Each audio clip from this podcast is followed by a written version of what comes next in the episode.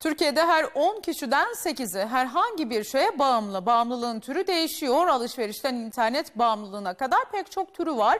Üstelik bağımlılık her bölgeye göre de farklılık gösteriyor. Bağımlılığımızın haritasına gelin yakından bakalım.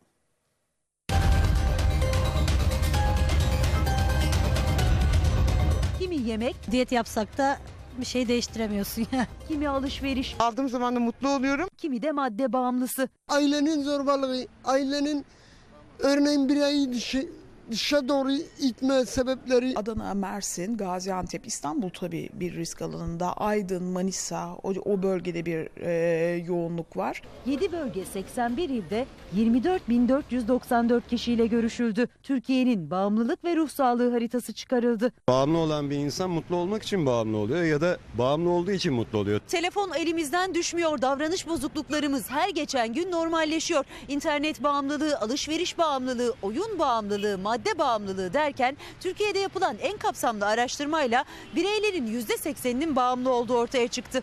Bağımlılığın mutlulukla bağlantısı var ancak eğitimle yok. eğitimli insanlarda bu derece yüksek olması beklenen bir durum değil.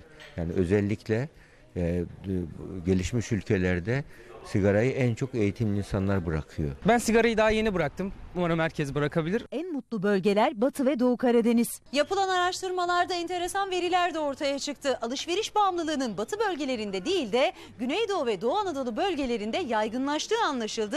Alışverişin satın alma gücüyle değil de mutlulukla ilgili olduğu ortaya çıktı. Aynı bölgelerde kaygı düzeyi de daha yüksek, depresyon düzeyleri de daha yüksek, hayatlarını kaliteli bulma oranları daha düşük. Yapılan araştırmada ortaya çıkan bir başka bulguysa bağımlılık oranının evlilikle birlikte azaldı. Evlenmeden önce ben uyuşturucu içiyordum. Evlendikten sonra gerçekten elim ayağımı çekmek zorunda kaldım. Kadınlar bazen kocalarına bağımlı. Ben en çok buna kızıyorum. Evet ben de kızıyorum.